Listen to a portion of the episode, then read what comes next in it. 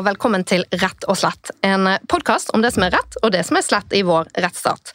Mitt navn er Katrine Holter, og jeg er strafferettsforsker på Politihøgskolen. Og denne podkasten er sponset av Karnov juridisk forlag. I disse dager så er granskningene av hva som gikk galt i Baneheia-saken for fullt i gang. Som mange vet, har regjeringen nedsatt et utvalg som skal finne ut hvorfor Viggo Kristiansen ble uriktig dømt. Men i mellomtiden så har pressen gjennom Norsk Presseforbund og Fritt Ord gjennomført sin egen evaluering av Baneheia-saken. De har undersøkt hva som var årsaken til at mediene verken klarte å forhindre eller oppdage at det skjedde et eh, justismord, og hvorfor det tok så mange år før mediene innså at det var skjedd en feil. Jeg lagde en episode om pressens rolle i Baneheia-saken i fjor vår, med kommunikasjonsrådgiver Svein Tore Bergestuen som gjest. Og De som ikke kjenner Baneheia-saken så godt fra før, de kan gjerne starte i den episoden. Men når det nå finnes eh, konklusjoner fra en sånn mer systematisk gjennomført evaluering, så er det grunn til å ta temaet opp på nytt. I studio har jeg fått med Kjersti Torbjørnsrud. Hun er statsviter og medieviter, og er ansatt som forsker ved Institutt for samfunnsforskning. Og hun står bak det som etter mitt syn kanskje er den mest interessante delen av medienes egen gransking. Velkommen i studio. Tusen takk. Er Baneheia-dekningen en presseskandale? Ja, det, det, vil jeg si. Altså, det er jo dette er først og fremst en veldig alvorlig rettsskandale, bare for å ha sagt det. Eh, men eh, måten pressen håndterte denne saken på er, eh, vil jeg si, så kritikkverdig at det også fortjener betegnelsen skandaløs. Du har jo tidligere fortalt at du ikke har jobbet noe særlig med justisfeltet før, og heller ikke med krimjournalistikk. Og ditt arbeid med pressens dekning i Baneheia-saken blir jo da på mange måter ditt første dypdykk inn på straffesaksfeltet. Hvordan har det egentlig vært å se justisfeltet på denne måten, altså for første gang nesten, med denne grusomme draps- og justismordsaken som inngang? Jeg tror at eh, Jeg tror at Eh, ingen som har satt seg inn i, eh, i denne, denne, saken, rettsprosessen mot Viggo Kristiansen, kan unngå å bli desillusjonert og ganske sjokkert på rettsstatens vegne, da. Det må jeg si. Det, det, har, vært, det har vært noen skjell fra mine øyne som har falt, altså. Man har jo Eller vi har jo veldig sterk tillit til politi og rettsvesen i Norge. Og um, den fikk seg en knekk, rett og slett, når jeg satte meg inn i alle disse årene uh, som det tok før saken ble gjenopptatt. Hva er har, hva er det som har overrasket deg mest? Jo, det som, det som gjør mest inntrykk, uh, det er uh, det, det det begynner jo med en grusom forbrytelse, en stor tragedie. Og eh, så tror man at man har funnet de skyldige, og det blir en historie om eh, det gode mot det onde. Der man tror man har funnet denne, dette monsteret. Eh, og man søker da at rettferdighet skal skje fyllest ved at han får sin straff. Og den historien, den, den blir så sterk og den er ikke bare sterk i måten pressen forteller den på. Dette er jo noe pressen på en måte er kjent for. Det er å lage en dramaturgi og fortelle arketypiske historier. Eh, som på en måte spiller på sånne grunnleggende intuisjoner om, om, godt og vondt som det vi har. Men at denne historien ble så effektiv og så dominerende at den, at den slo ut krav til, eh, til rettssikkerhet, krav til bevis, krav til teknisk analyse, krav til eh, profesjonell eh, etterforskning. Det gjorde inntrykk. Ja, og du skriver jo litt i rapporten din om dette med hva som skjer med journalistikken når man kommer inn i en form for mm. unntakstilstand. Mm. Ehm, kan du si noe om det? Ja, og, og, det er jo noe jeg har vært eh, opptatt av tidligere også. Jeg har studert medienes dekning i, i etterkant av, av, store tragedier. Og, og, det som skjer, er jo at journalistikken eh, går også inn i en form for unntakstilstand. og i 2000, da denne forbrytelsen skjedde, så den rystet jo Norge på en måte som gjorde at den liksom vanlige, kritiske, konfliktsøkende journalistikken, den stoppet litt opp, og man fikk en veldig sånn eh, en måte å, å, dekke begivenhetene på som handlet mye om å beskrive følelser, om å beskrive sorg og sjokk, beskrive sinne, men også beskrive samhold, da. Og også og på en måte å, gjengi det derre veldig forståelige og veldig sterke behovet for eh, en oppklaring, og for at man skulle kunne føle seg trygge igjen. Og det, når det blir sånn, da, så det er mye, det er mye bra og mye fint med en sånn journalistikk. Jeg tror at i visse perioder så, så svarer den på et behov i befolkningen.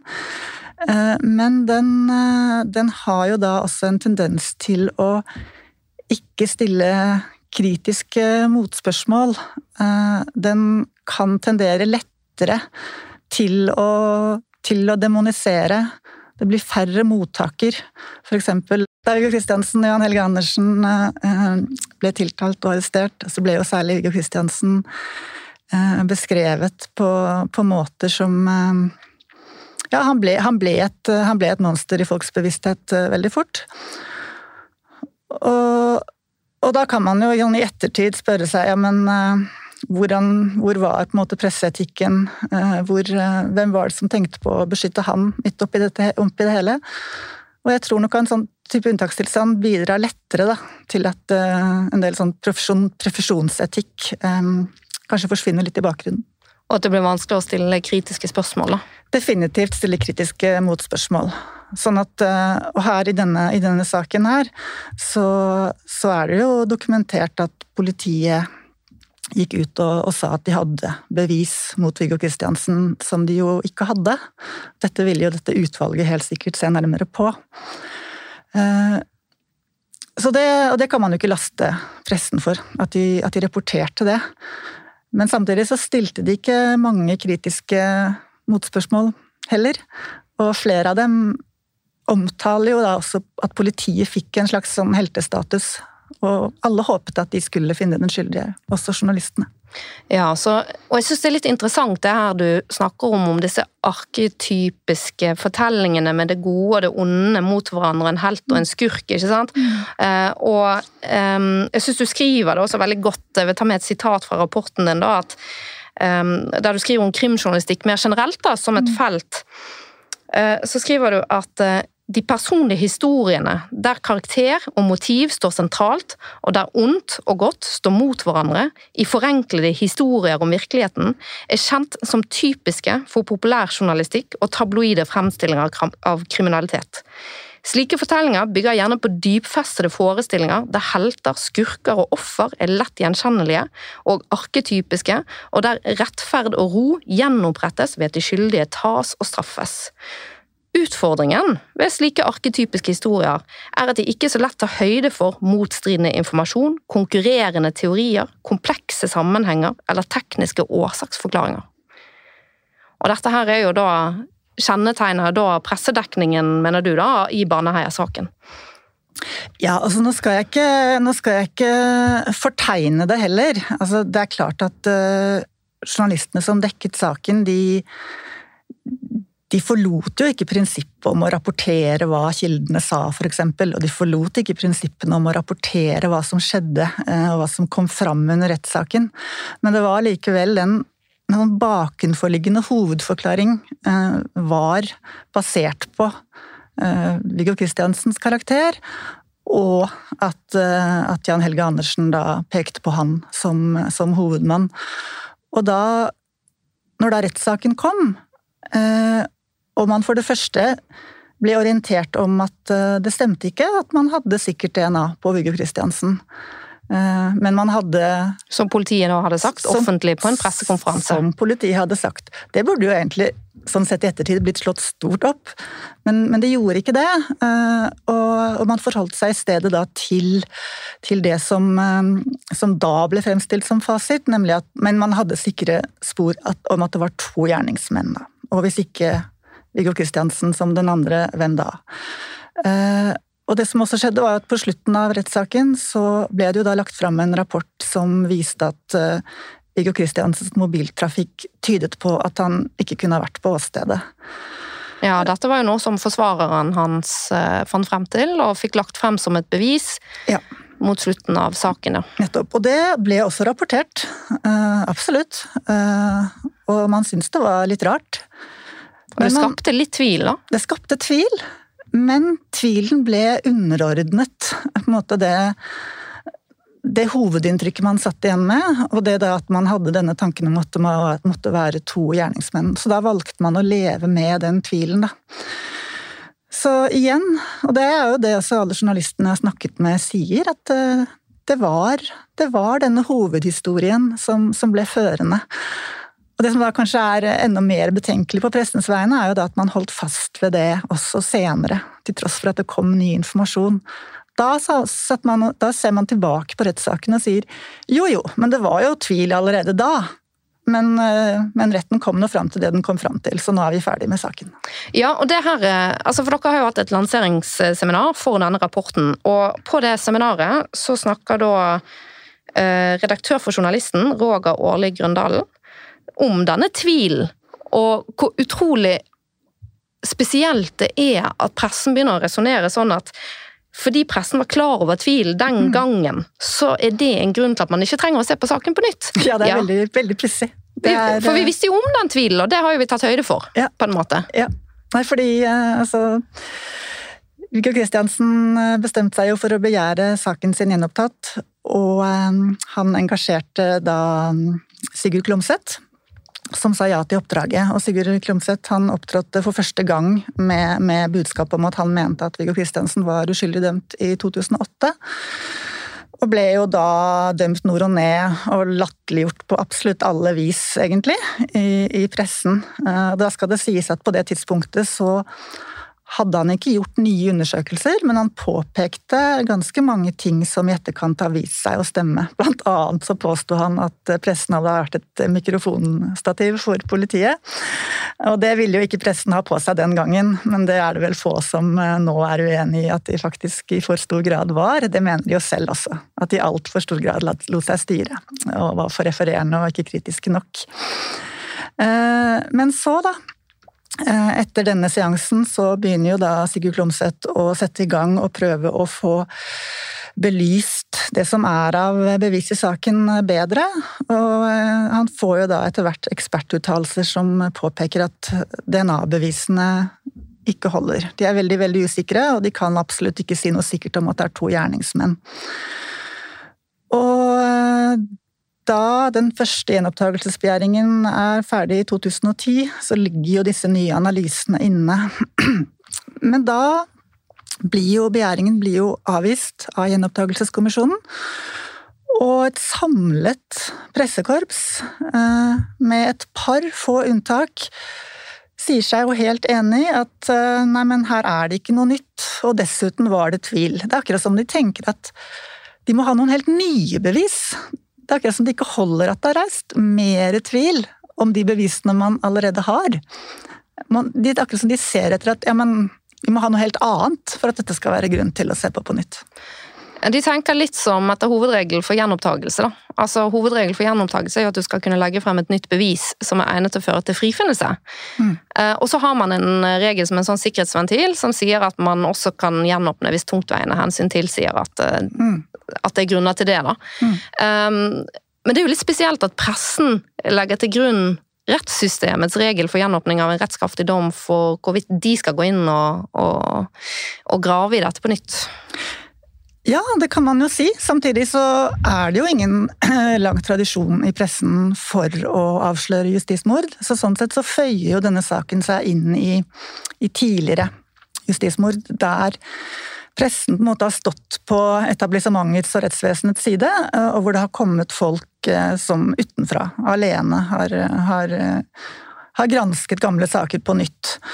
Og det som har skjedd før, og som i høyeste grad skjedde i Baneheia-saken, og det er derfor jeg kaller pressen for en aktør i denne saken, det er jo at de, de bidro jo til å gjøre det veldig ubehagelig og vanskelig, og egentlig ganske fælt, eh, å være en motstemme. Fordi at de Det å være enten forsvarsadvokat eller etter hvert eh, andre typer aktører som sto fram og sa at her tror vi det er ting som ikke er som de skal.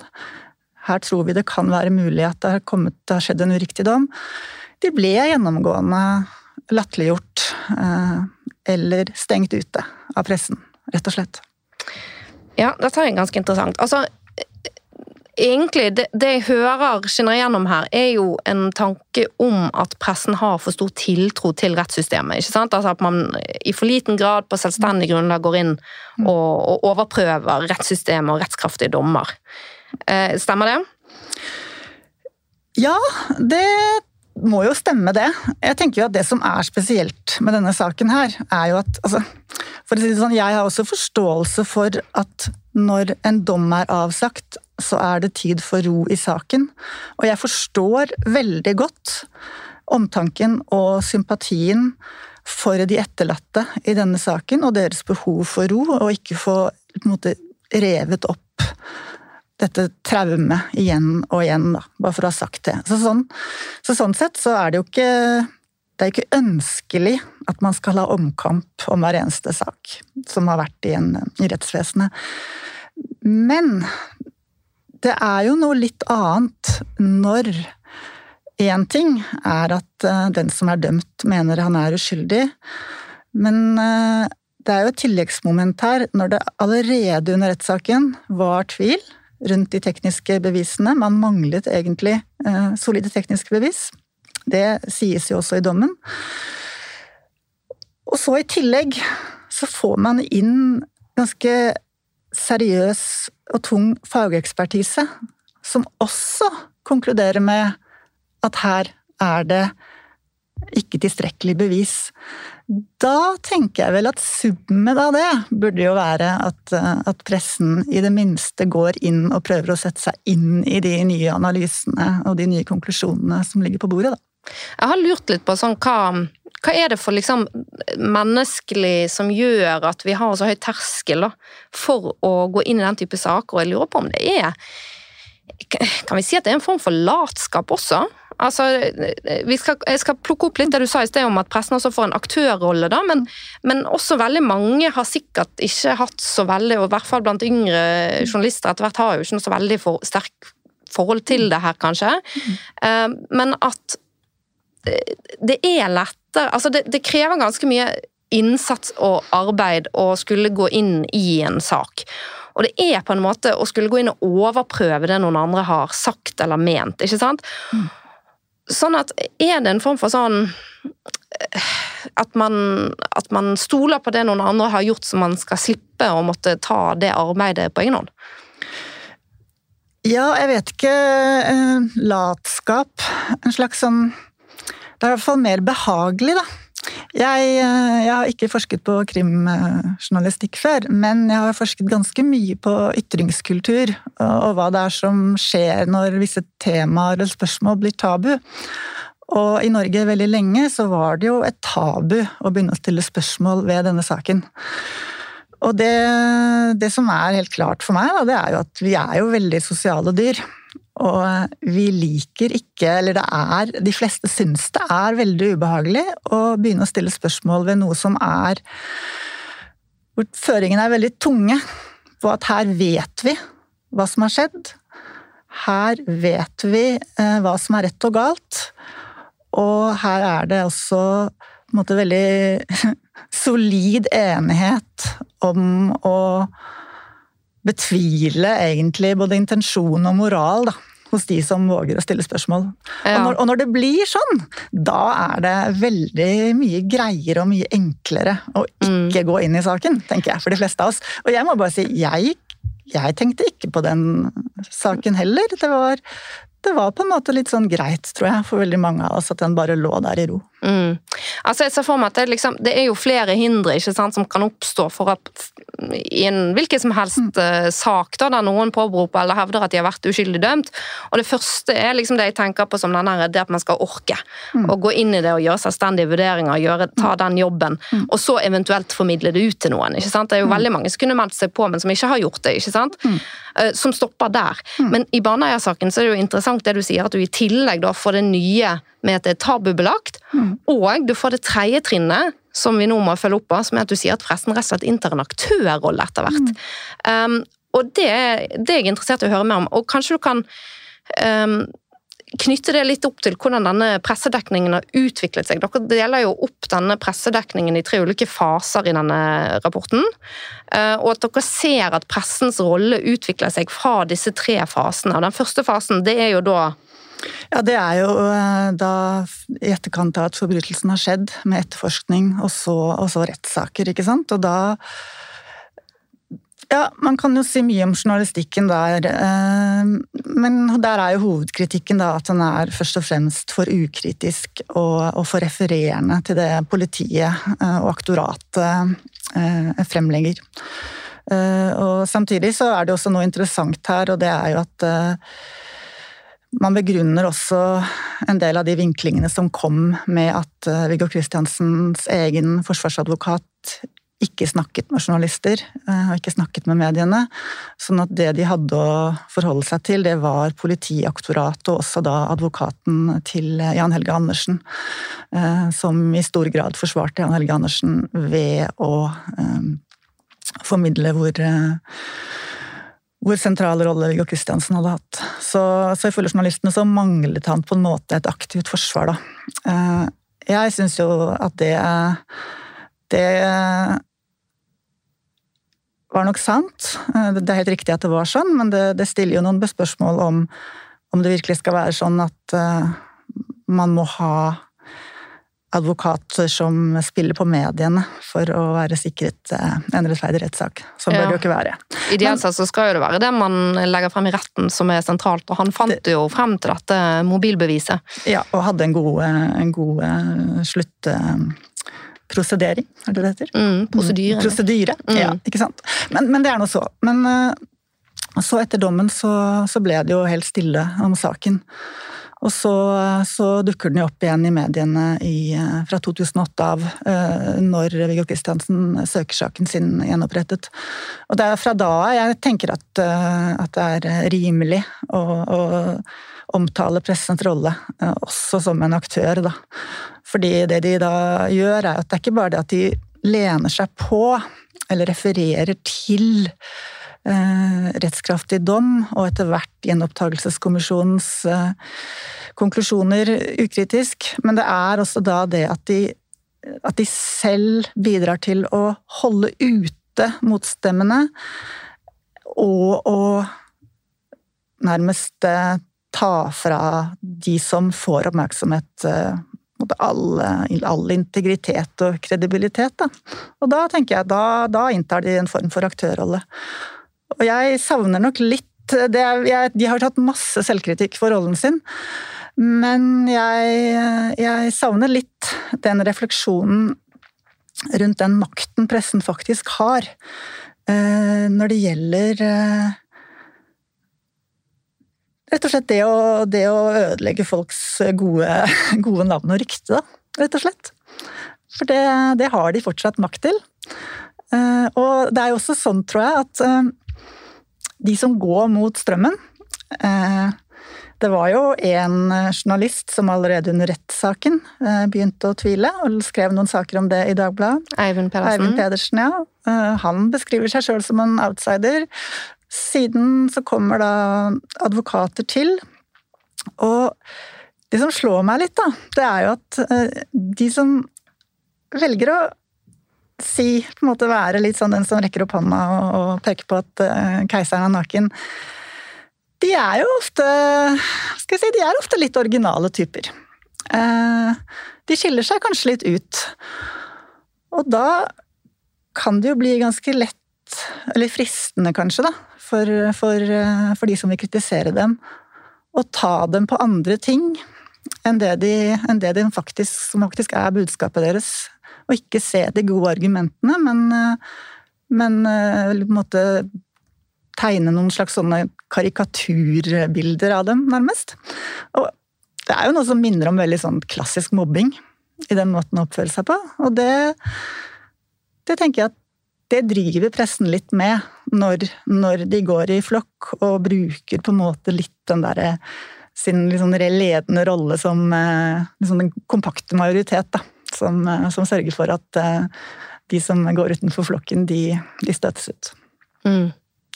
Høres, det høres ille ut, men jeg vil bare, si, bare for å nyansere det litt, da, så er det ikke sånn at jeg, jeg tenker jo ikke at de som satt og lagde disse kommentarene og felte disse dommene Jeg tror ikke de, de gjorde det ikke fordi de ville, ville gjøre vondt.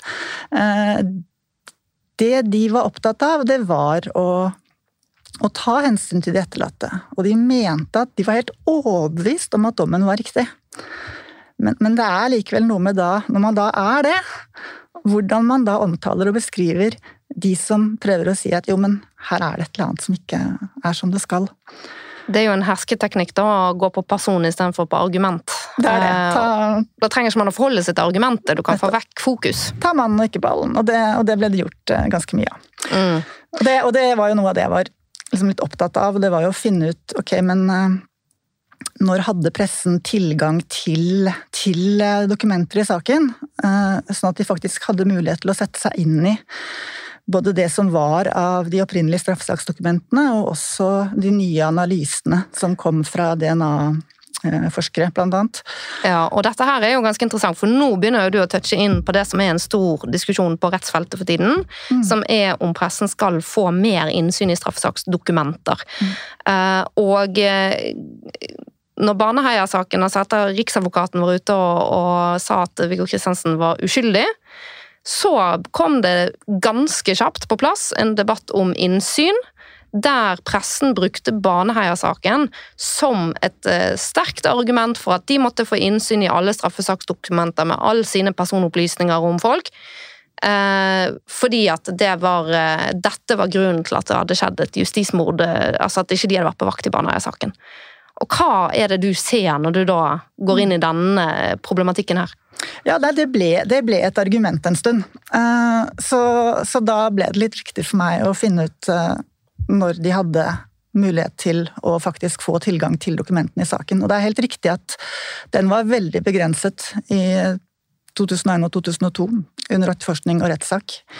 Eh, men fra og med 2008, eller i hvert fall 2010, eh, da det var kommet nye advokater inn, inn i saken, så var eh, disse dokumentene tilgjengelig for den journalisten som var interessert. Mm. Og etter hvert det som er det som, De som skal ha veldig mye av æren for at Viggo Kristiansen fortsatt ikke sitter i fengsel, det er jo vanlige folk som eh, fikk en følelse av at det var noe som ikke stemte, og som begynte å sette seg inn i saken. Og flere av de kontaktet redaksjoner, og de banket på dører, og de ringte, og de spurte. Og de fikk nei overalt da var Og de tilbød dokumentinnsyn? De tilbød dokumentinnsyn. Og vi vet jo også, det er jo nå kommet fram, eh, at NRK hadde jo da disse, disse dokumentene i saken liggende i en eske i to år. nå var det?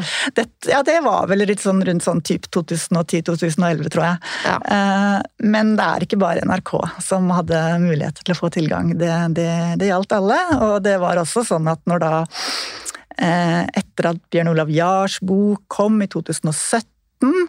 Og det tok jo også da lang tid eh, før en del redaksjoner ble interessert, men da var det i hvert fall sånn at eh, da var det noen av de store redaksjonene som begynte å tenke at ok, nå må vi, nå må vi sette oss litt grundigere inn i det.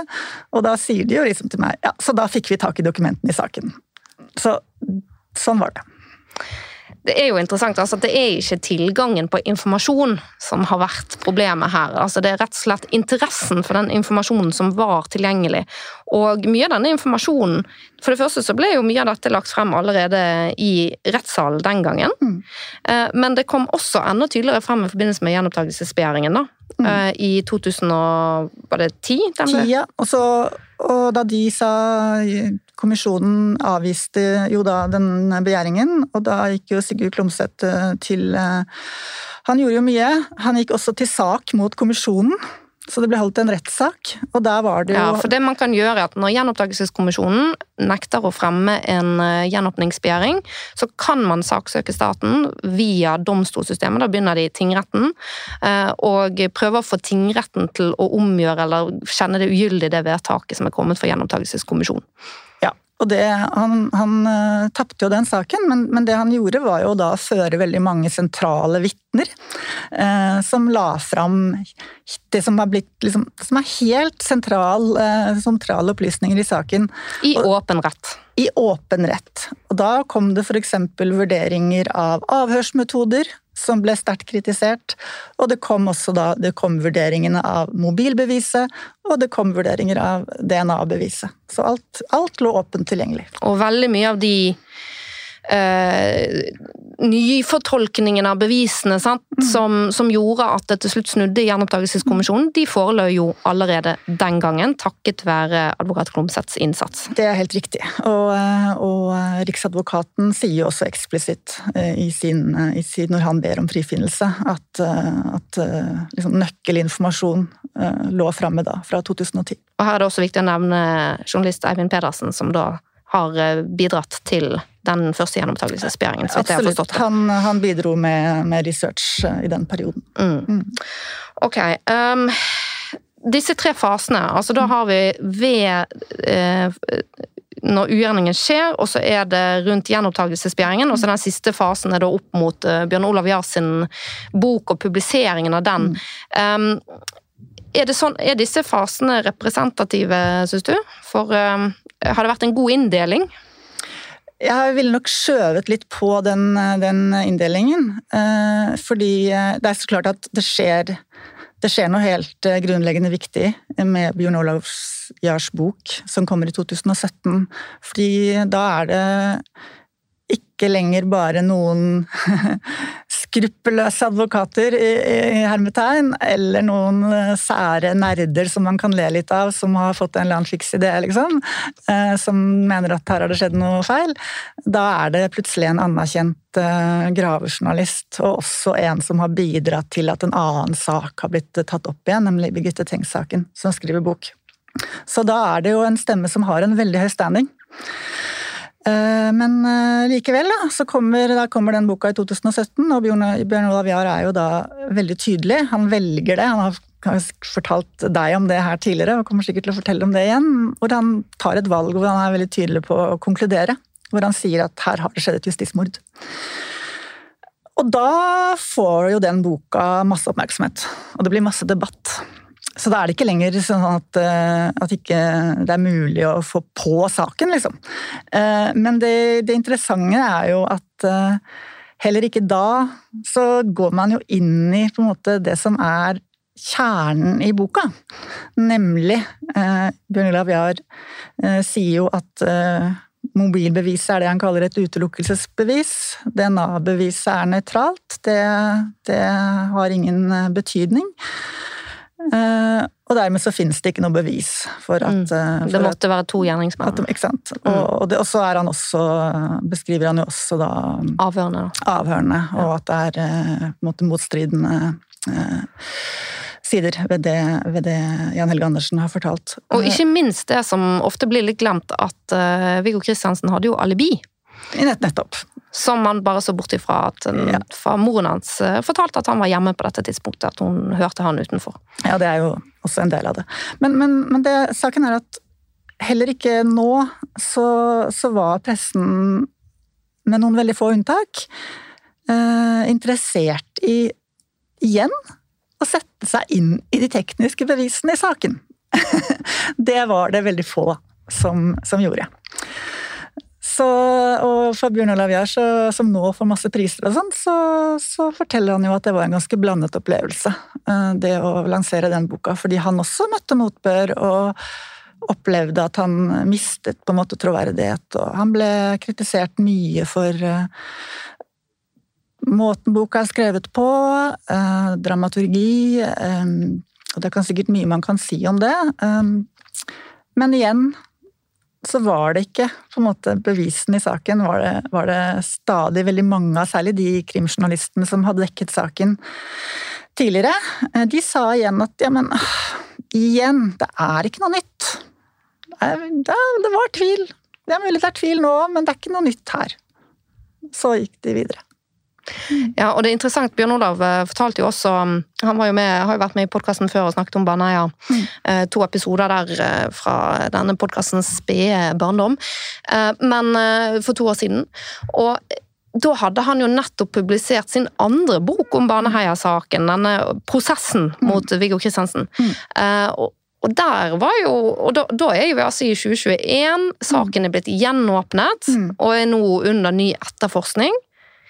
Men den boken ble jo nesten ikke mottatt i det hele tatt. Fikk jo nesten ingen oppmerksomhet. Nei, og det er jo litt interessant. Eh, for den første boka ble jo også ganske sterkt kritisert fordi den ikke den hadde ikke noteapparat. Den, det er mange bøker av den typen som ikke har det. Eh, den, ja, og den Bjørn Olav Jahr sier jo også selv at den ble skrevet relativt eh, fort, selv om den, han den har jo disse veldig viktige opplysningene da, knyttet til bevisene. Men med prosessen eh, mot Viggo Kristiansen så gjør han jo et mye, mye mer et større og mye bedre dokumentert arbeid. Da. Det er jo den boka som virkelig på en måte står som en påle, vil jeg si, i ettertid. Den blir jo da knapt uh, omtalt. Jeg tror uh, i min podkast var første gangen han uh, snakket om boken offentlig. Ja, det er jo, det er jo ganske, det er ganske, oppsiktsvekkende. Det, og da var det sånn, Jeg tror innspillingen var en uke etter publiseringen eller noe sånt. Mm. Så, så det, som, det, som, jeg etter hvert fant ut, da, det var at det sto Altså, jeg tror, og det jeg mener, vi, vi, kan ikke vite hva som har gått for seg i hodene i, til de som satt i gjenopptakelseskommisjonen og sånn. Eh, jeg tror at den boka hadde stor betydning i forhold til å snu en stemning og skape interesse for saken. Så altså den første boken? Den første boka, i, ja, i, for prosessen kom jo etter gjenåpningen. Ikke sant, ja. Mm. Men uh, den fra 2017, den, den betød mye for, uh, for, stemningen rundt hele saken. Um, men pressen selv, de skiftet jo egentlig ikke tilnærming til saken da før gjenopptakelseskommisjonen til slutt snur, og det blir et flertall for gjenopptakelse, da Og det er vel i 2021? Ja, februar 2021. mm. Ja. Og da er, no, da er, det sånn at enkeltmediehus, sånn som VG og TV 2, begynner å gjøre aktiv journalistikk på saken. Mm. Eh, og begynner å sette seg inn i, i dokumentene. Eh, mens f.eks. NRK eh, gjør det ikke. Og vil absolutt er veldig, veldig tilbakeholdne og holder seg stort sett med, med kilder basert på det de, de etterlatte. Eh, mm. Og også da egentlig etterforskningsleder, vel, eh, fra den gangen. Eh, så det er fortsatt en veldig sånn forsiktighet i pressen for å konkludere med at her har det skjedd noe, skjedd noe feil. Mm, og en sånn tilbakeholdenhet som jeg merket. Og jeg hadde jo Frode Hemming Pedersen, som er litteraturviter og professor på Universitetet i Bergen, han var jo med i den samme episoden med Bjørn Olav Jahr. Ja. Og dette var Jeg tror det var november i 2021 at vi spilte inn. Og han sier da for første gang offentlig at han tror at Viggo Kristiansen er uskyldig. Mm. Og det prøvde jeg å selge inn til et par mediehus om at ok, ikke dette er en nyhet at nå har du en forsker som en respektert forsker som har vært inne og analysert og jobbet grundig med denne saken, som nå sier offentlig at han tror at Viggo Kristiansen er uskyldig. Det var ikke lett å nå gjennom med. Nei, og han forteller jo også at han, han eh, etter hvert eh, som flere av de som, eh, som, jobbet for å få saken til Viggo Kristiansen gjenopptatt, de ble etter hvert veldig provosert av holdningen til NRK og måten de vinklet saken eh, på. Og hvor de ikke tok inn det de mente var viktige nye opplysninger i saken. Ja. Eh, og han var en av de da som skrev kritisk kronikk til ytring i NRK, men han kom ikke på. De var Nei. ikke interessert. Nettopp, og det tror jeg kanskje NRK var kanskje litt i en særstilling. Jeg tror at en del andre mediehus Mitt inntrykk da er at mm. holdningen der var mer sånn avventende. Ja. Nå venter vi og ser hva som kommer fra ja. Riksadvokaten til slutt. Ja. Uh, og så gjør vi liksom ikke noe før. Nei. De var åpen for at nå kunne alt være mm. feil, men mm. vi, vi, gjør ikke noe stor journalistikk nå før Nei. vi får en endelig konklusjon. Det er jo også veldig passivt, da. Veldig, og det, og det er veldig interessant. For det er jo liksom Når, når er det journalistikken uh, tar på seg et slags sånn granskningsoppdrag, uh, hvor de jo da da må de jo konkludere med en slags fasit. ikke sant? Her har det skjedd noe feil, og så belegger de det sånn og sånn og sånn. Når gjør de det? Og når er det de velger å bare ha en slags sånn, et prinsipp om balanse? Det vil si, den ene parten sier det, den andre sier det, og de er uenige. Og det var eh, på sistnevnte måte de fleste redaksjonene dekket denne saken eh, fram til, eh, til krav om frifinnelse. Så man var veldig tilbakeholdne med, med, å gå inn og vurdere hold, plausibilitet, i, i, saken. Og jeg tror at Det tror jeg også kanskje er noe man skal, kan lære litt av, da. Fordi jeg tror at det skal litt, det skal litt mot til å ta stilling når på en måte den rettslige autoriteten hele tiden argumenterer med at ja, men det er ikke noe nytt her, og lese argumentene også fra politiet i Agder, eh, og argumentasjonen fra det som da ble mindretallet blant de som mente at saken ikke burde gjenopptas i 2021, de holder fast på at det vi har sagt hele tiden, er riktig. Sånn at jeg tror at hvis man skal liksom hvis man da skal våge å si noe om at jo, men det er kanskje en part her som har bedre argumenter enn en annen, så må man både være litt modig, og man må bruke litt tid, og man må sette seg skikkelig inn i det. Og man må også kanskje gå til noen eh, eksperter som kan hjelpe en å gjøre seg opp en begrunnet mening. Da. Alle de tingene må være til stede.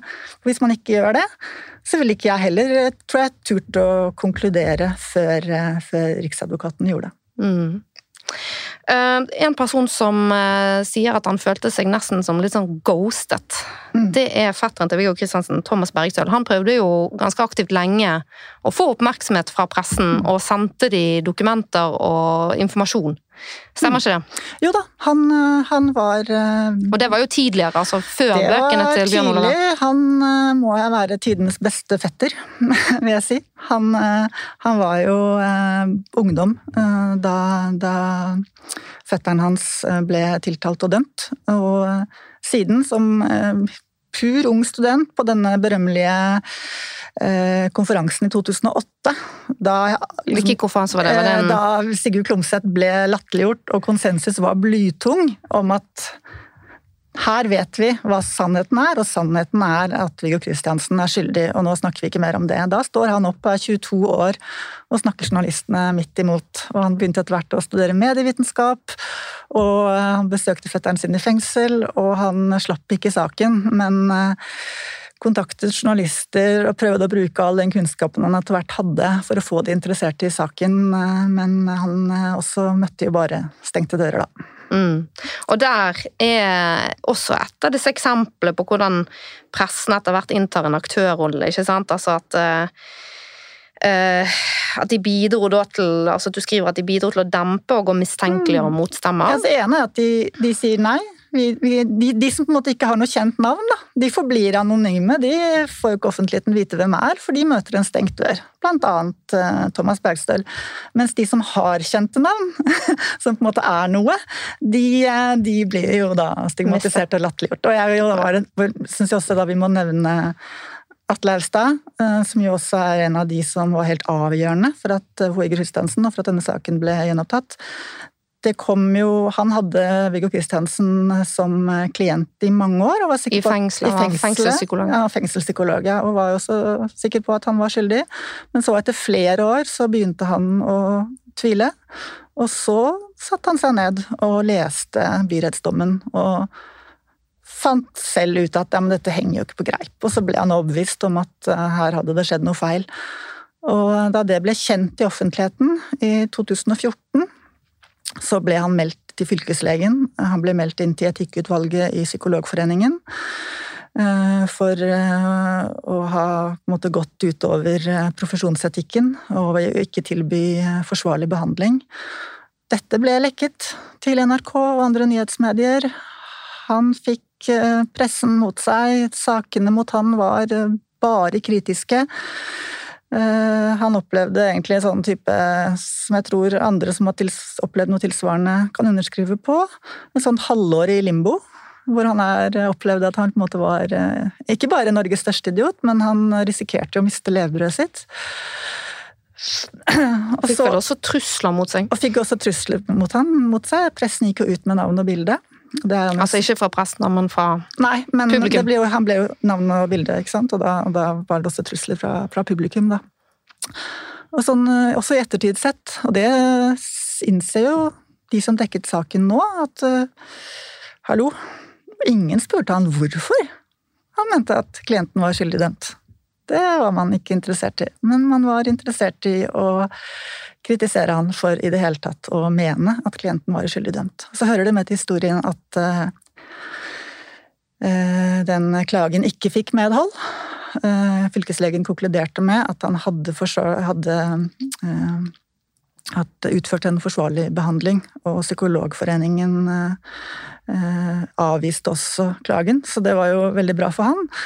Men det som da skjedde, det var jo at han selv måtte kontakte redaksjonene for at de skulle nevne at han var frikjent. Så det er ja. Nok et eksempel da, på, på, at det var veldig risikabelt en stund, faktisk, å, å mene eller å si høyt at Viggo Kristiansen var uriktig dømt.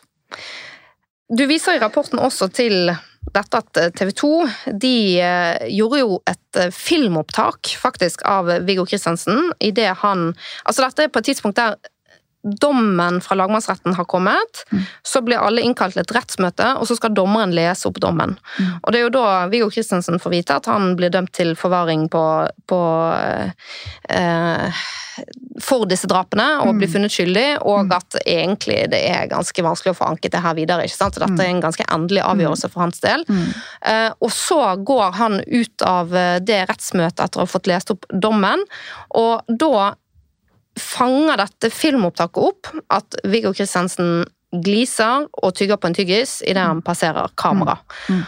Det, det, er jo sånn at det å filme tiltalte når han er i retten, altså under forhandlingen i en rettssak, mm. og når tiltalte er på vei inn og ut av en rettssal, det er ikke lov. Mm. Uh, og det er egentlig et absolutt bildeforbud, mm. uh, med mindre du har samtykke fra den tiltalte selv til å publisere de videoene der. Mm. Um, og, og, eh, det er også sånn at man skal få rettergangsbot, altså en bot fra, fra rettssystemet for, for, brudd på rettssystemets regler, dersom man um, offentliggjør en sånn type video uten samtykke. Um, og dette, jo, dette gjorde jo TV 2. De valgte å offentliggjøre akkurat denne videoen der han smiler og gliser, på nyhetene den kvelden mm. saken var blitt lest opp. Politiet de følger opp dette. De tar ut et forelegg mot redaktøren. De velger da riktignok ikke å gå for foretaksstraff og, og, ramme fotografen, men de tar ut et forelegg mot redaktøren.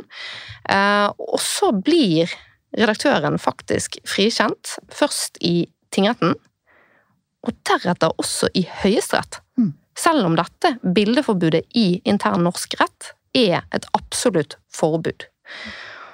Og her, eh, bare til eh, alle som er interessert i å gå inn i dette eh, Dere kan lese en kjennelse fra Høyesterett som har referansenummer RT 2003, side 593. Det er ganske interessant lesning.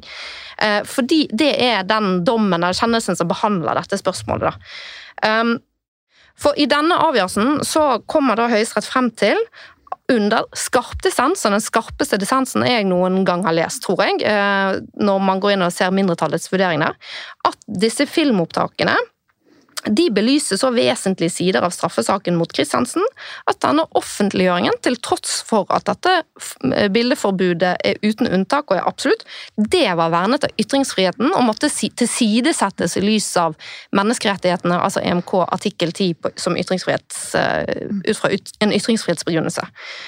Og Førstvoterende i denne kjennelsen han eh, til, begynner med å vise til formålet med dette film- og bildeforbudet.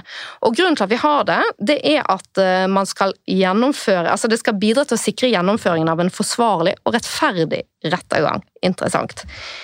Eh, det skal også ivareta tiltaltes personvern, og det skal beskytte den tiltalte mot belastende fotografering. og Derfor er det også bare tiltalte som er den som kan samtykke til det her. Og Så kommer førstvoterende frem til at uh, dette forbudet likevel altså da må settes til side i visse situasjoner. Uh, og Da viser de til uh, Viggos personlige egenskaper, at det sto sentralt i etterforskningen og pådømmelsen av denne saken, og at hans personlige egenskaper òg hadde blitt mye omtalt i nyhetsmediene. De viser til at det var sakkyndige som hadde snakket med Viggo Kristiansen, og som var kommet til at han hadde et alvorlig personlighetsavvik. Og de viste til at denne nyhetsredaktøren hadde behov for å publisere det her, fordi at dette mente man, dette videoklippet av at han gliser og tygger tyggis, det sa noe vesentlig om Viggos personlige egenskaper. Eh, og I tillegg så hadde forsvareren i denne saken eh, vært ute og sagt det at eh, at Viggo var skuffet Eh, og det var rimelig tydelig på hans kroppsspråk. Så det var liksom kombinasjonen, da, at denne videoen det liksom undergravde totalt forsvarerens påstand om at han var skuffet. Um, og da skriver førstvoterende at uh, som utgangspunkt jo, så er det jo viktig at domfelte har et vern mot å bli eksponert gjennom fotografering i retten og på vei inn og ut av rettssalen. Men som vi ser, så skal ikke dette her gjelde for Viggo Kristiansen. Um, og det var fordi at allmennheten de har et krav på mest mulig korrekt informasjon om mer alvorlige lovovertredelser og om gjerningspersonene. Det skulle riktignok ikke være fritt frem, men det var særlige hensyn som talte for dette her. Og Førstvoterende skriver da hans personlige egenskaper og personlighetsavvik hadde vært sentralt fremme i saken. Den opptredenen som Viggo Kristiansen viste umiddelbart etter domsavsigelsen, var meget spesiell. Det er liten tvil om at bildene kunne oppfattes slik at de sa noe vesentlig om hans personlighet.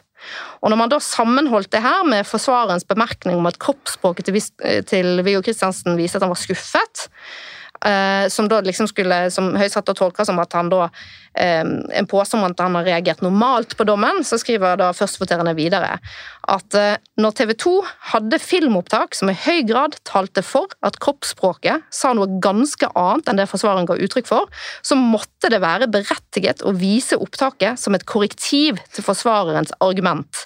Bare på denne måten var det mulig å imøtegå eller kommentere det inntrykket som forsvarerens uttalelser skapte. Det står for meg som selvsagt at offentligheten offentligheten i en sak som denne har krav på å få tilgang til slik informasjon. Og så nevnte jeg at jeg aldri har sett en så skarp eh, dissens før, og dommer Karen Anne Gussgaard, med støtte fra dommer Karl Arne Utgård, de skriver, og jeg syns det er verdt å gjenta det her, ehm, at de var jo for så vidt enige i at det kunne gjøres unntak ved særlige hensyn, men de var helt uenige i at det var aktuelt i denne saken. Det er i vurderingen av hvorvidt slike hensyn forelå i vår sak at jeg ikke kan følge førstvoterende, skriver hun.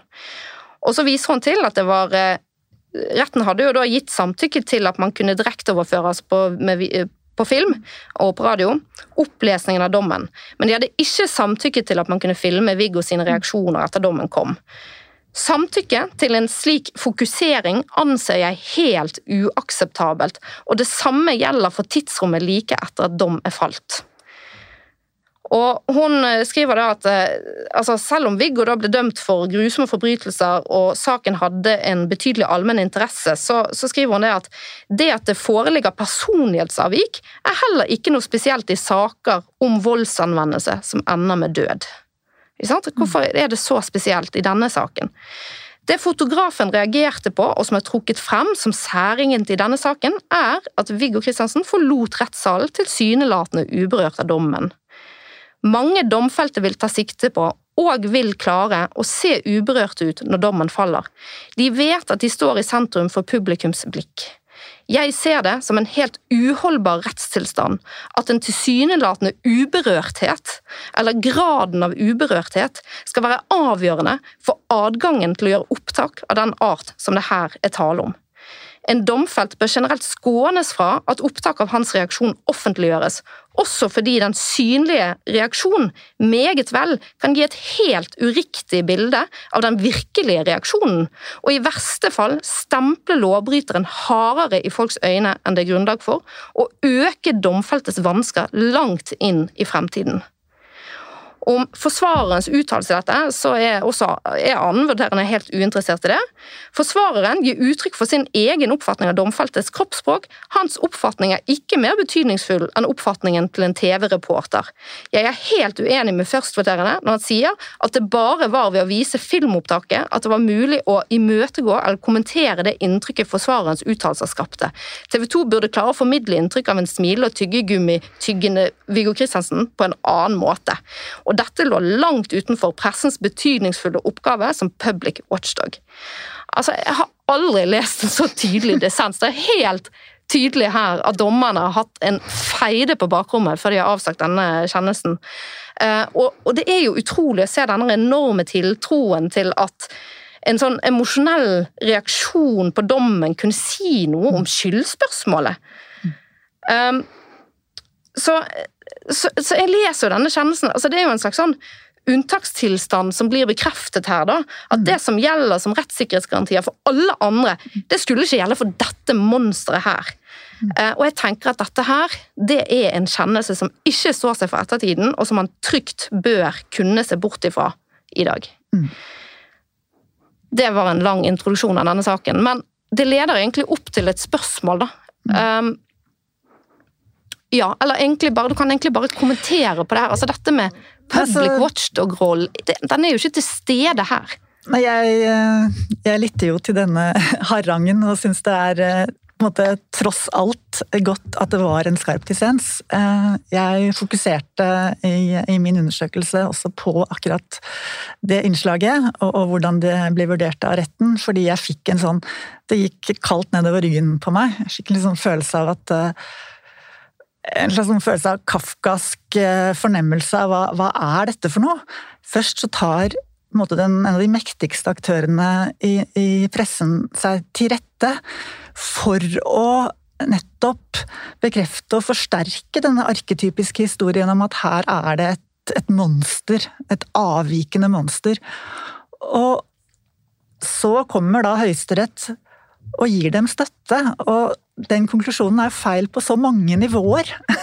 Én ting er jo at det er forbudt, og at eh, da bør jo den, den regelen gjelde for Viggo Kristiansen som for alle andre. Men andre er jo den derre tilliten til at et, noen sekunders videoklipp Og det er jo klippet, ikke sant? Bare det, med den kritiske evnen til liksom, fortolke medier, er jo helt fraværende. Fordi man vet jo ikke hvordan han så ut minuttet før eller minuttet etter. Og igjen da, det som da denne dissensen påpeker. Hvorfor i all verden skulle det si noe grunnleggende sant om Viggo Kristiansens personlighet? Det er, liksom, det er opprørende på så mange nivåer, samtidig som jeg også syns det da oppsummerer litt uh, den, den liksom, Hovedkonklusjonen var at nei, for Viggo Kristiansen så fungerte ikke rettsstaten. Uh, og den uh, veldig enkle historien om ondt og godt, den, uh, den tok over, og den forsterket mediene. Og dommerne tenkte at også den var helt riktig.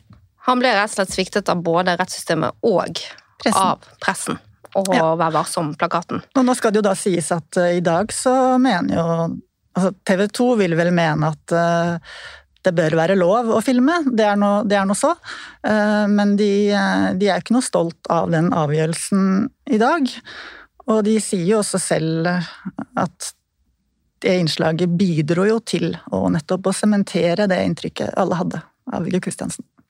Ja, fordi at det fikk, eh, det fikk jo antagelig ganske stor betydning sant? Ja. for hele på en måte, fortellingen. For det er jo fortellingsperspektivet som er igjen, så sterkt. Igjen er det, er det fortellingen. Eh, og det er liksom sånn hjerteskjærende å, å, høre på en begrunnelse. At liksom, når han da har en forsvarer som sier at han er skuffet og lei seg, det er jo ganske plausibelt at han er skuffet og lei seg. Uansett ja. om han var skyldig eller ikke. ikke sant? Men nei. Nei da, det var ikke sant, det. Han var eh, helt uberørt, han. Altså, ja, nei, man vet ikke helt hvor man skal begynne. Nei, det, det er helt Det, det er rett og slett nesten som man ikke tror det man leser. Ja. ja. ja. Nei. Eh, Den rapporten eh, Dere har jo også skissert opp eh, noen læringspunkter for fremtiden. Mm. Hva kan vi lære? Og hva kan pressen lære av dette? Ja, altså en del av de læringspunktene fokuserer jo på dette med å være litt være djevelens advokat. Stille kritiske spørsmål. eh, Stille motspørsmål, også når det ser ut til at uh, en historie holder vann, eller at et virkelighetsbilde er sånn eller slik. Uh, så i større grad stille, stille spørsmål ved, ved, egen overbevisning. Det, det ligger jo der. Uh, og så er det jo også et punkt om at pressen i større grad også bør granske avsagte dommer hvis hvis det er en kombinasjon av, av, informasjon i saken som tilsier at, at, den er viktig å gå inn i, da. Ja, for hva Skal vi se. Jeg har ordlyden her da på læringspunktene at Vær særlig på vakt i saker som gjelder A. Svært alvorlige forbrytelser. B. Hvor siktede tiltalte hevder sin uskyld. Og C. Bevisene ikke er krystallklare. Mm. Og Det som har vært litt interessant etter lanseringen av denne rapporten og lanseringsseminaret, er jo at den debatten som jeg egentlig savner nå, mm. det er jo hvilke andre saker har vi? Den har liksom ikke helt kommet. Nei, ikke, ikke noen stor debatt. Nå er det jo masse true crime-formater som, som, vel går inn i en del saker og går opp etterforskningsspor og sånn igjen. Men jeg, men jeg har ikke sett at det har blitt måte, løftet opp på litt sånn høyere nivå, nei. Uten at jeg, og der har jeg sagt tidligere at jeg skal ikke mene noe om skyldspørsmålet i Orderud-saken for de som er dømt der, men jeg har jo løftet den litt frem, fordi at jeg tenker det er en sak der bevisene er ikke krystall, krystallklare. Det er en svært alvorlig eh, sak, straffesak. Mm. Og Per og Veronica hevder sin uskyld hele veien. Mm. Eh, VG har jo laget masse journalistikk på Orderud-saken gjennom Krimpodden. Uh, og det er jo noen mediehus som jobber med den, men det er jo blant annet en sak som jeg tenker man kunne begynt å diskutere, og som flere mediehus nå burde kaste seg over. da. I lys av denne lærdommen fra Baneheia. Selv om det kanskje skulle vise seg at de var skyldige, mm. så er jo det at man står med så svake bevis og mm. åpne spørsmål i seg sjøl, mm. noe som tilsier at, at, det er grunn til å gå inn i det. det. Det høres absolutt ut som det kan være grunner til det. Og da er det jo også interessant å kanskje finne ut hvorfor man eventuelt ikke går inn i den saken, da. Jeg kjenner ikke til den, altså. Jeg har ikke, jeg har ikke studert den, så her er min, min undring er ikke god som noen annens. Og så er jo eh, Journalistikken den er jo ofte opptatt av enkeltsakene. Mm. Uh, og jeg kan jo nevne nå at Når du har jobbet med denne, så har jo du intervjuet uh, flere personer. Uh, og du har hatt noen bakgrunnssamtaler. Jeg har annet vært en av de som du har hatt en bakgrunnssamtale med. Og da tror jeg at jeg var litt opptatt av dette med at um, det gjøres mye journalistikk på enkeltsaker, men at rettsfeltet i dag, rettssystemet, det er i en ganske kritisk situasjon etter mange år med egentlig lite politisk oppmerksomhet rundt justispolitikk. Mm. Og stramme budsjetter, det er jo en konsekvens av det. ikke sant? Når man snakker lite om rettssystem og om systemspørsmål, og ikke, så blir det heller ikke noe som politikere driver og legger stor vekt på i sine budsjetter. ikke sant? Og Et resultat av det er jo annet at domstolen er helt økonomisk sultefòret, at forsvareren nesten ikke klarer å overleve lenger på den lave rettshjelpssatsen og sånne ting. Um, har ikke pressen også en viktig oppgave når det gjelder å belyse systemsvakheter? Jo, det er klart de har det, og det, det vil de jo også si selv at de har. Så er jo utfordringen å, å få til det, da. Denne podkasten prøver å være et bidrag til det. da. Jeg tenker jo at En interesserte journalist vil kunne få ganske mye hjelp av å høre på enkelte av mine episoder om rettshjelpssatsen, om, om, adgangen til domstolene, og hvor mye man blir stengt ut av domstoler pga. dårlig økonomi. Eh, også utenfor, altså utenfor straffesakene. Eh, ankesiling, ikke sant? At det, at det er så mange få saker som nå blir behandlet på, i to instanser med full mm. behandling. Mm. Ja, nei, her burde det jo være masse mat for, for kritiske journalister. Uh, hvorfor man eventuelt ikke tar tak i det, det, det, vet jeg ikke. Det som er helt sikkert, er at det er uh, mye penger og mye holdt på å si gevinst i, i, den populære kriminaljournalistikken. Og true crime er jo blitt veldig stort. Det er sånn eh, Publikum er veldig interessert i det. Så er jo spørsmålet da om de, om de greier måte å gå, gå skrittet videre fra de mer spektakulære, dramatiske sakene til med systemkritikk. Eh, vi nærmer oss eh, nå landing, eh, men vi har jo da i Norge en gjentagende historie med justismord, som først ble gjort opp for etter iherdig innsats fra enkeltstående advokater, frilansjournalister og frivillige. Det skjedde i Fritz Moen-saken, det skjedde i Liland-saken, og det har nå skjedd igjen i Baneheia-saken. Tror du pressen vil bidra til å forhindre at historien gjentar seg? Ja, det tror jeg de har et ganske sterkt ønske om å gjøre. Eh, det har blitt en økt bevissthet eh, rundt justismord, og jeg tror nok også at terskelen for å gå inn i saker der det er avsatt dom, er lavere nå. Eh, det, det tror jeg. Mm. Absolutt. Mm. Kommer du til å jobbe mer med krimjournalistikk og justisfeltet i fremtiden? Jeg føler ikke at jeg er ferdig med dette i det hele tatt. Det er noen Altså Journalistikkens og medienes rolle er eh, viktig for rettssikkerheten.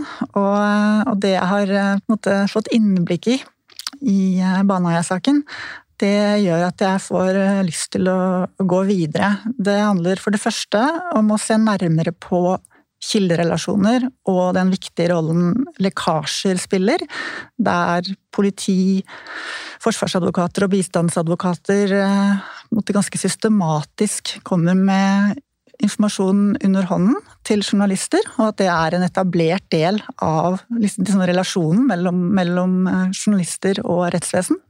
Der er det mye å se nærmere på, tenker jeg.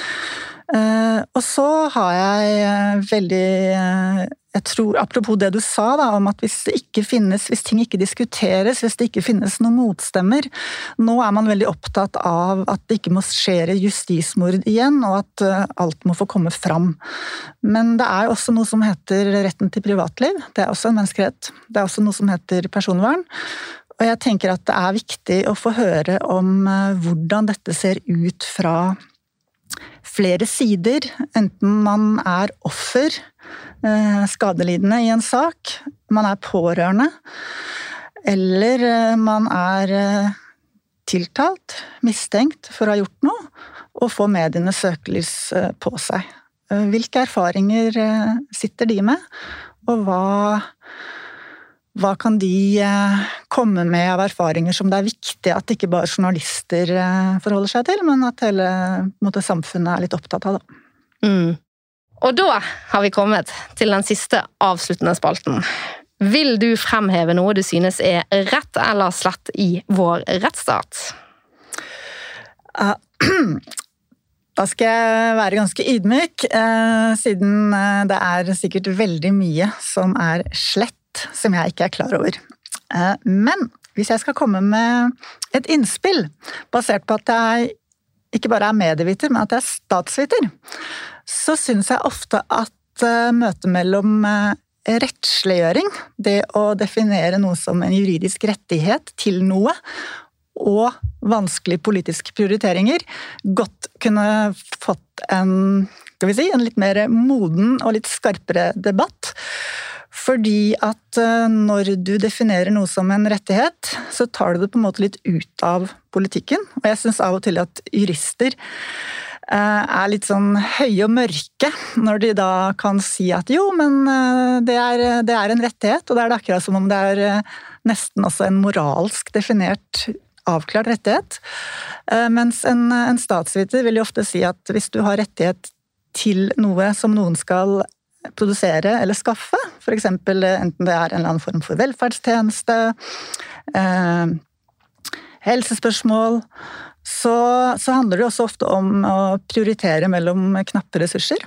Og da tenker jeg det er litt viktig å begynne å snakke om hva vi velger å definere som rettigheter, eh, og hva vi ikke velger å definere som rettigheter. Eh, fordi at eh, jeg vil kanskje si at ganske mye handler om politikk og vanskelige prioriteringer i denne tematikken her. Jeg kan bruke som eksempel, selv om altså den Nav-skandalen, da. Det var helt tydelig at Norge og norske byråkrater ikke hadde fulgt med i timen, og ikke visste hva som var gjeldende rett. Og det bør man jo kritisere, for det må de jo gjøre. Men det ble akkurat som om det også var moralsk helt forkastelig å ha en regel om at man ikke kunne reise fritt eh, innenfor EØS-området når man gikk på sykepenger. Og det syns jeg egentlig er en litt sånn underlig ting. Hvorfor ble det plutselig som en sånn grunnleggende rettighet. Når man nå får et sånt sykepengeskjema, så må man da vitne om at man har ikke vært på reise utenfor EØS-området. For man har fortsatt ikke lov til å reise utenfor EØS-området og få sykepenger. Eh, så et eller annet der, når, når noe plutselig blir en slags sånn der, når, når, rett kobles til dyp moral, og man ikke lenger kan ha en politisk debatt, da tenker jeg at vi har en utfordring. Så. Mm. Mm. Altså en for sterk rettsliggjøring i samfunnet, rett og slett? Rett og slett en litt, litt mer eh, nyansert og skarpere debatt mellom kanskje statsvitere og jurister der. Mm. Ja, men det er egentlig veldig velkomment, og jeg har eh, tenkt litt på av og til at, eh, at jeg savner mer statsvitenskapelig blikk på rettssystemet mer generelt. Det har vært min store litt sånn oppvåkning da, når jeg har gått inn i denne saken. her. Jeg tenkte at kjære vene, liksom. Jeg er samtidsforsker. Jeg må begynne å sette meg mye, mye mer inn i liksom, i jussen og, og, rettsvesenets rolle. Og her, her, er det store, store hull og store forskningsoppdrag, tror jeg. Ja, det tror jeg òg. Det, det dette er så bra, for dette er jo egentlig det som er min kjepphest. Altså at rettssystemet har blitt for mye overlatt til juristene alene. Uh, og det er ikke bra for det første for uh, juristers selvbilde, men det er heller ikke bra for, for systemet vårt, fordi at vi trenger at andre aktører engasjerer seg inn i det vi driver med, for at rettssystemet skal få den oppmerksomheten, det kritiske blikket det trenger, og de midlene, ikke minst, fra politisk hold til Nettopp. å kunne drive forsvarlig. Nettopp. Så litt, det er livsfarlig akkurat For å være litt eh, selvkritisk til, til egen stand, da, så vil man jo da si at det er jo en sånn form for frivillig abdisering. Si det, er en, det, er en, svikt da, i, mm. i både innen statsvitenskap og sosiologi, tenker jeg. Ja, og det er sånn, og nå begynner jeg å jazze meg opp på dette her, men altså, dette her er jo igjen sant, altså dette um, jo, altså Man kan jo styre staten på to måter. ikke sant? Man kan styre det gjennom pengesekken eller man kan styre det gjennom lovene. og så det, mm. På et eller annet vis så har dette med lovene, mm. justisfeltet, det, liksom, det, har, det, får så lite mm. oppmerksomhet, mens alle er veldig opptatt av statsbudsjett osv. Men ja. Det var jo en bekymring i den forrige eh, maktutredningen, dette med, med rettsliggjøring. Men så har man stoppet opp, da. Og jeg vet ikke hvorfor. Mm. Ok, Da er det på tide å sette strek for i dag. Tusen takk til forsker Kjersti Torbjørnsrud som var med her i studio. Og eh, jeg kan jo også røpe at de neste to episodene frem til jul de vil handle om Baneheia-saken og justismordet her i Rett og slett. For vi er ikke ferdig med å snakke om den saken, selv om noen kanskje begynner å bli lei. Her er det masse ting å lære fremdeles. Så følg med videre, og fortell gjerne om denne podkasten til en venn, fordi jeg har begrenset med midler til markedsføring og setter derfor stor pris på hjelp fra dere lyttere. Ha det bra!